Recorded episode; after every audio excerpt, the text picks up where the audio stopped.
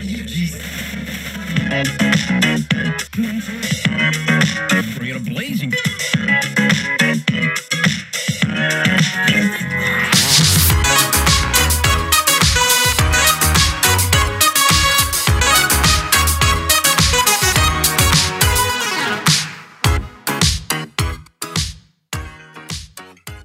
Well, to every person watching at home, wherever you may be, maybe you're on the bus, maybe you're, you're at work, maybe you're in your living room, like Pastor Adam had just mentioned, I gotta say, welcome to church. And I'm so thankful that we can say that. I'm so thankful I can say that. That technology really does give us this opportunity to still get in the word together. Um, Pastor Andy said it so well this week on social media when he said, We may be practicing you know, social distancing, but we don't want to practice spiritual distancing. That we could come together now, look back into our text, and, and really get back into our series, which is uh, a good one. It's someone we don't want to we don't want to push away. We want to keep getting into it. And it's a series titled Unexpected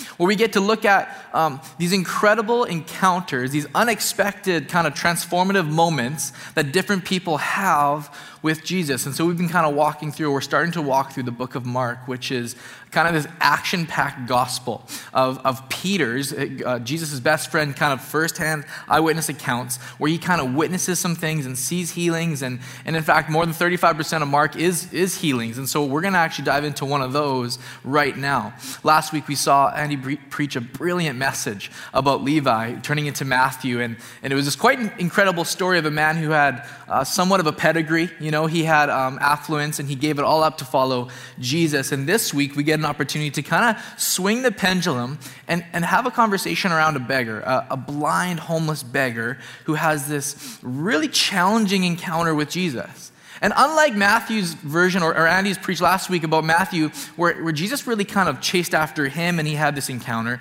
this week it's a bit different. You see, Bartimaeus has to almost work for it which is a bit odd to say, to be honest. It was unexpected. Even as I read the story again, it was a bit unexpected because he kind of has to go after Jesus a bit. He, he's, he's constantly confronted with different barriers.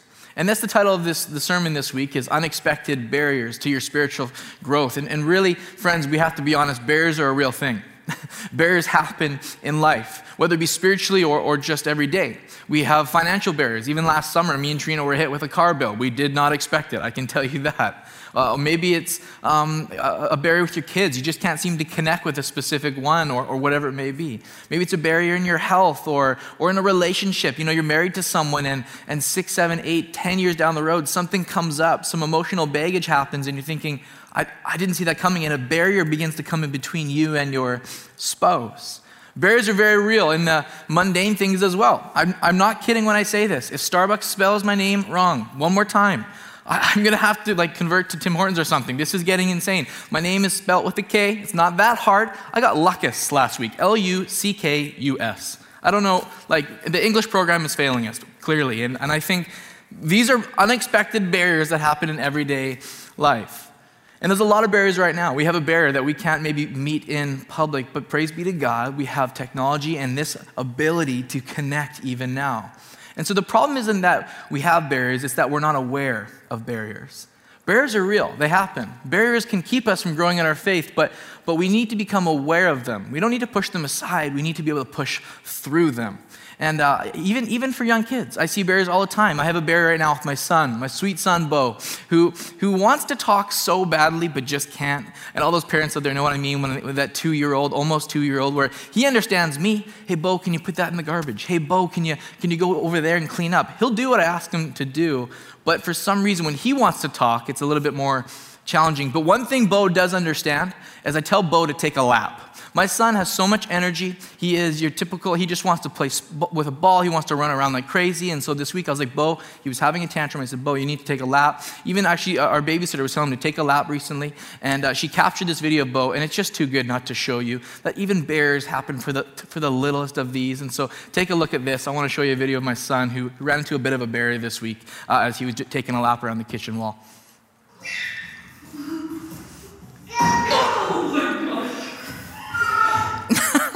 Ow. You can hear it. oh, man. I'm his dad, and I just think that's so funny. It really is. Like it's just it is, but it's it's this is the real life, isn't it? Like, don't you feel like Bo sometimes? I love that. Ow, and he just gets up and starts walking again. Like this is kind of our life sometimes, where you hit a barrier, a roadblock, and it's really unexpected. He's just trying to have some fun, and we can look to Bo and think that I'm feeling that even right now. I'm feeling that at the Costco lineup. I'm feeling that even just in school. I'm feeling that with our vacation plans, whatever it may be. But praise be to God that there is no barrier that gets in the way of Him coming to us and, and us when we put ourselves in a position to come to him. And I want to show you that even in the story of Bartimaeus. And so we're going to jump into it now. Uh, we're going to be in, in Mark 10. So if you got a Bible or if you know where yours is, go get it. Or even now, download the app. There's going to be notes on there. There's a lot of ways you can connect with, connect with us, excuse me, right now. So we're going to be in Mark 10, starting in verse 46. It, it says this Then they, they being the disciples and others and Jesus, came to Jericho. As Jesus and his disciples, together with a large crowd, were now leaving the city, a blind man, Bartimaeus, which means son of Timaeus, was sitting by the roadside begging. When he had heard that Jesus of Nazareth uh, was, was there, he began to shout, Jesus, son of David, have mercy on me. Many rebuked him and told him to be quiet. I want to stop there for a moment. This is so interesting. And I just got to say, this is the first barrier that we often run into is that people can be barriers for us in our spiritual growth. Like this poor beggar who has nothing. Like his name is Bartimaeus. Can I just, after Andy's message about all the, the names and the beautiful meaning behind him, his name is son of Timaeus. Timaeus means to honor, so he's the son of honor. Like his name is Bart, friends. This guy has, has not a lot to his name. He has not a lot, obviously, to his possessions. And he begins to shout for the one kind of last ditch effort Jesus, son of David, help me. Help me, please. I'm blind. Heal me. Like, please, anything, help. And this, this, this throw of son of David is a, is a messianic call, and it's, it's one of the only ones you'll see in Mark.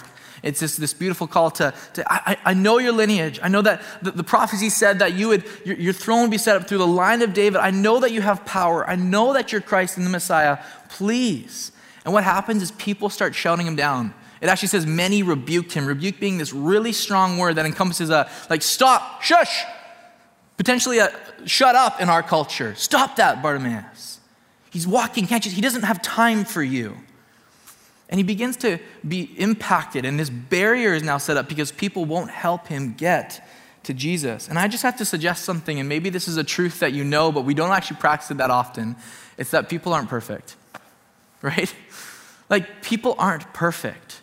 People make mistakes. We all fall short of the glory of God, Paul wrote in Romans. People, we get in the way sometimes of people taking their next step. I don't think it's always um, intentionally. I don't think we always do this uh, because we mean to. Sometimes it's greed, sometimes it's unintentional. Sometimes, like I said earlier, it, there's emotional baggage or something gets in the way that we didn't see or mean to. But people, us, we aren't perfect. This church, friends, isn't perfect. And if it was, it, it became imperfect the minute I walked in. Friends, this is the case. And there's many reasons why we become barriers. But the truth is, friends, people aren't perfect. And I just have to say, in this idea of people, I wonder if as a culture we've become a little almost too trusting. Like, trust is earned. trust is not something we just give up freely. I think, I think we're too fast to trust and too late to love sometimes. I want to be quick to love and quick to empathize and quick to give the grace that I've been freely shown by Jesus. And, and I don't care where you are, you can say amen to that even in your house. But I want to be responsible and thoughtful and mindful that trust is earned and sometimes people make mistakes. And so I think, even in your own space, wherever you're at, begin to ask yourself do I trust people a little too much? Is that why people are maybe becoming barrier in my life? If we keep reading, it actually goes on about people around the same topic. It says this But he shouted all the more. I love that. Son of David, have mercy on me. Ain't nobody getting in my way. So then Jesus stopped and said to him, said, sorry, call him. So they called to the blind man, Cheer up, on your feet, he's calling you. Isn't it so interesting? Excuse me, isn't it so funny how quickly your enemies become your friends when Jesus starts doing something in your life? Like now Jesus wants to see him. Oh, oh, oh, yeah, okay. Bart, Bart, yeah, Bart, remember me from middle school? We're close buddies. Yeah, come on up, come with me. I'll help you up. It's so, it's so interesting how fast people become your friend when they were just recently on the opposition. And I have to say, in line with the last point, the second thought for you is that people can be barriers, but friends, believers can be barriers.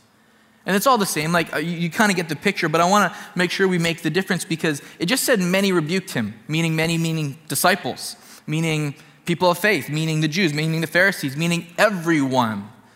Isn't it so interesting that sometimes friendly fire actually happens?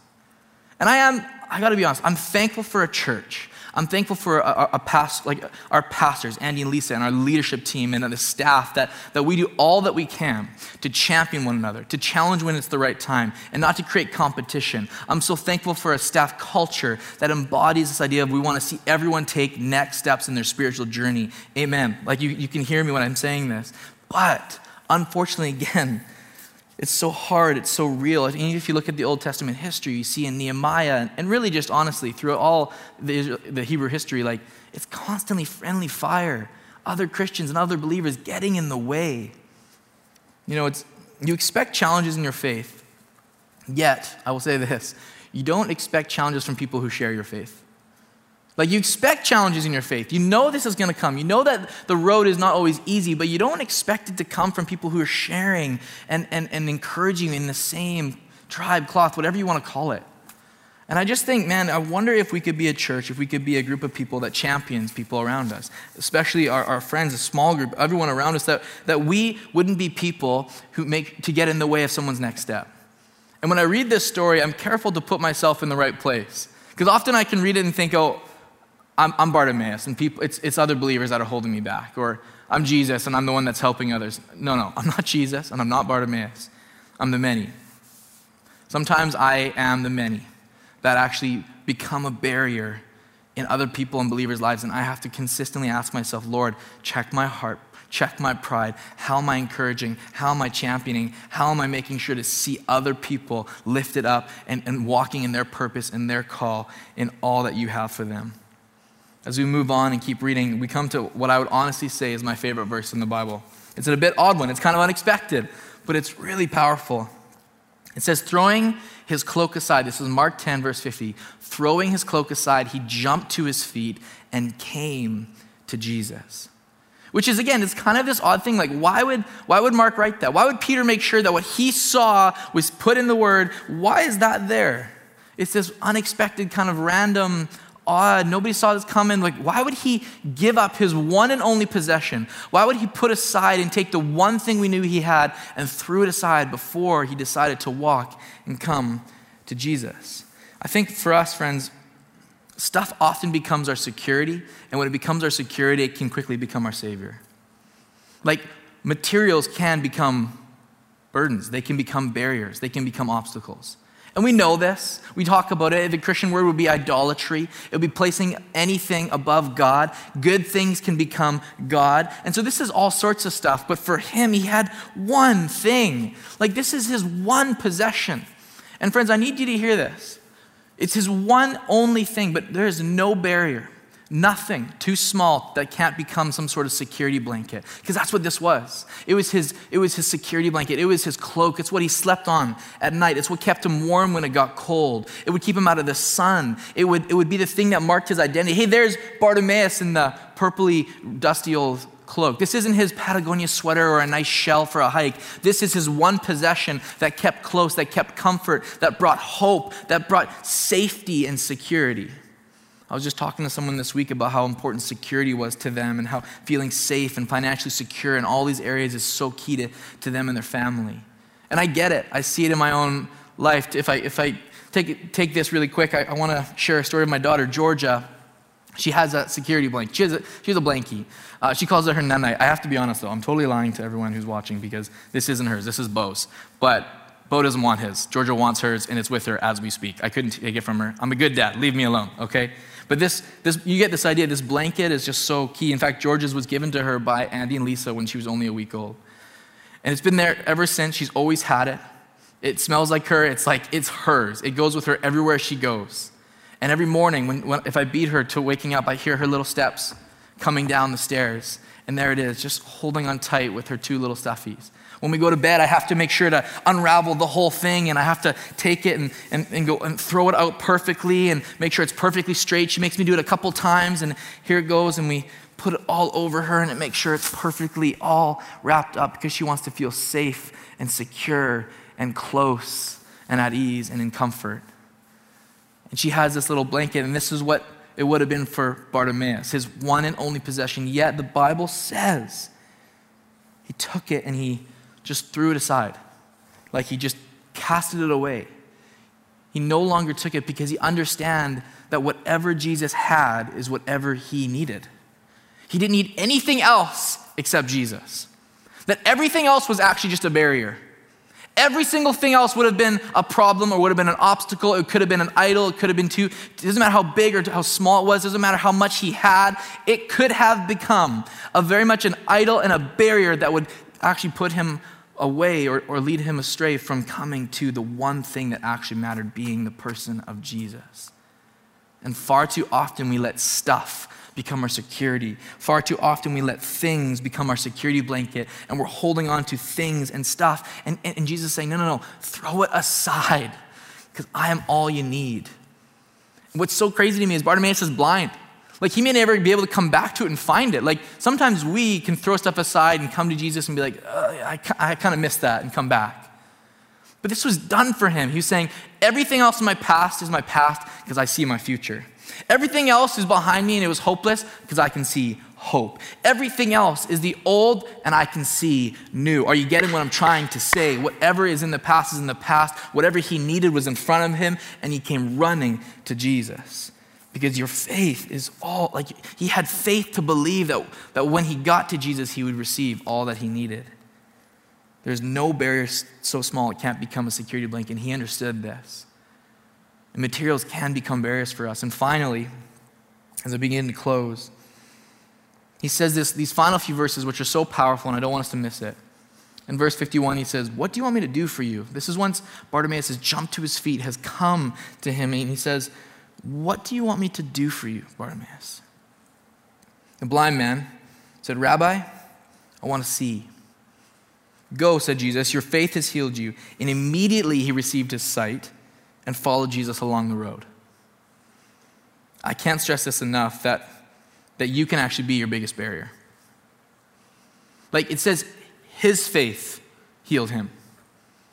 That he actually had to action like his movement towards God. Like he actually had to get up and do something. He had to actually show Jesus, like, I believe that what you have is all I need I can't stress this enough that we actually get to play a part in this wild mission, this crazy thing that God calls life, this, this call that He puts on us, that we get to be a part of it, that we actually play a part in our miracle. That your faith actually plays a part in your future miracle. That, that when you believe, that when you choose, say, Jesus, I need you, not more stuff. I need you, not more people. I need you, not more money. I need you. When we put our hope in God, when we put our faith in Jesus, we actually begin to, begin to be a part, play a part in our miracles. And friends, this happens in Mark. Read Mark 2. When the guys are cutting the hole through the roof and they lower him down, Jesus actually looks up and says, Your faith has healed him. Your faith matters. Your belief matters. And throwing it in just whatever the world has to offer is not going to be what you need. What you need is the person of Jesus. And I can't stress this enough. Your faith has healed you, he says. When are we going to understand that? That the Bible says, ask, seek, knock and then it'll all be given to you. And this isn't just a, uh, a, repet, a repetition of the writer. He's not just saying, like, oh, Jesus said this. This is a progression. Ask Jesus, seek Jesus, knock Jesus. Do whatever you can. Continue the progression. Go after him in all that you have. Draw near to him because he'll draw near to you. Seek after the Lord with your whole heart and he will answer you. He is for you, friends. And he just wants a relationship with you. I always found it so interesting that he asked a blind man what he wanted. like, honestly, like, right in front of him. What do you want? It's like, uh, my eyesight would be good. but he's not just asking what he wants to know that he wants it. He's asking what he wants because he wants him to know that Jesus wants it, that he wants a relationship with him. He needs Bartimaeus to know. Jesus wants Bartimaeus to know that he's for him. What do you want? What can I do for you? How can I love you? How can I serve you? How can I heal you? And friends, I just I just pray that this is an unexpected story. It's a bit of an odd one. He's got to work for it. He's, stri- he's, he's doing all these things. There's a barrier with people. And then people rebuke him and he has to shout all the more. And then he gets called up and his, his, his enemies are now his friends and he has to come to Jesus. And then Jesus asks him this awkward question. This whole thing is a bit odd and unexpected. But one thing I pray is not unexpected for you. One thing I pray is not unexpected in your life is what Jesus says before answering all those questions. It's, what do you want me to do for you? Friends, He's right there right now. Wherever you are. What do you want me to do for you? What do you want me to do for you right now? I'm not saying the answer is yes. I'm just saying that there's a question there. And maybe you're watching for the first time. Maybe you got brought to someone's house and you not even know what this church thing is about. Or maybe you've been a Christian a long time and you forgot that this is a question that Jesus asks. What do you want me to do for you? I don't want to ask that question to my wife, it's because I want her to know I'm for her, I'm with her, I'm in this. When there's a problem, I'm like, Trina, what, what do you want me to do for you? I'll do whatever I can. What is it? It's to show her that I'm, that I'm there for her, that I'm for her, that I believe in her, that I love her. And she does the same thing for me. Lucas, what do you need from me right now? What can I do for you? And Jesus is saying the same thing wherever you're at, whatever room you're in in your house, whatever you are right now, whatever time you're watching. What can I do for you? He asks, because He is for you. You may not be able to be certain about everything, but you can be certain about this that He is for you, that He sees you, that He loves you, that He cares for you, that there is hope in the person of Jesus, that no matter what you may be going through, you can throw everything else aside because He is for you. And He's asking you this question right now What do you need? Do you need to switch your security to Him? Do you need a Savior right now? Do you need comfort? Do you need peace? This is his posture. He poses the question. It's not just a, a thoughtful ask. He's literally posturing himself in front of a blind man saying, I'm Jesus. I'm here for you. I love you. I am for you in every season, in every aspect of the life. When the world is at chaos, I want to be your calmness. What do you need? And I want us to know that there are barriers, and we can become more aware of them in our spiritual growth. It could be materials, it could be ourselves, it could be our own faith. But let this rise your faith up. Let this encourage your faith. Let this encourage your soul. He is for you. And when He is for you, nothing can be against us. That He really is all that we need. And that we get to push through the barriers of our spiritual growth, not alone, but with Him.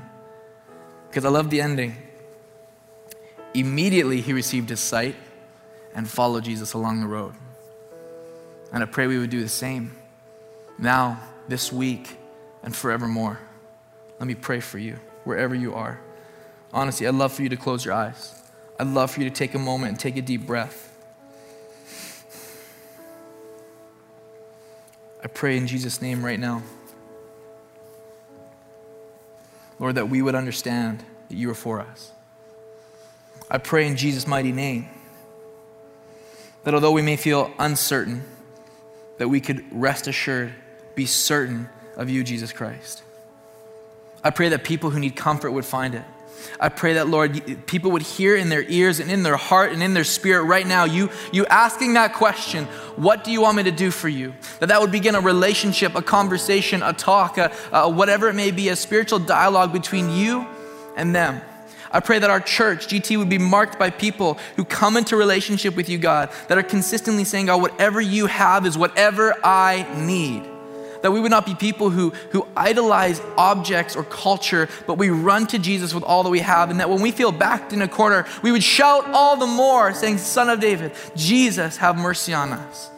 Lord God, I just pray that we would come a little bit closer to you right now, that we'd feel your spirit rising up in our homes, on our couches, in our bedrooms, that wherever we are watching right now, we'd feel the presence of God, the peace of God that transcends all understanding, that there would bring hope into, into lives and into families, into uncertain situations, into, into messed up vacation plans. They would feel Jesus rising up, hope rising up like an anthem in their soul, that as families we could sing together that you really are here, you really are for us, that you really see us in every single season, and that we could stand with you, God, following you down the road, side by side, in every moment of our life. We look to you now, Heavenly Father, because it is you that we can trust. We look to you now, Jesus, because it is your peace we want and desire and hope for. It's in Jesus' mighty name we pray. And everybody said, Amen. Amen. Wherever you're at, I encourage you to stand up. We're going to sing another song and embrace all that God has for us. We love you so much.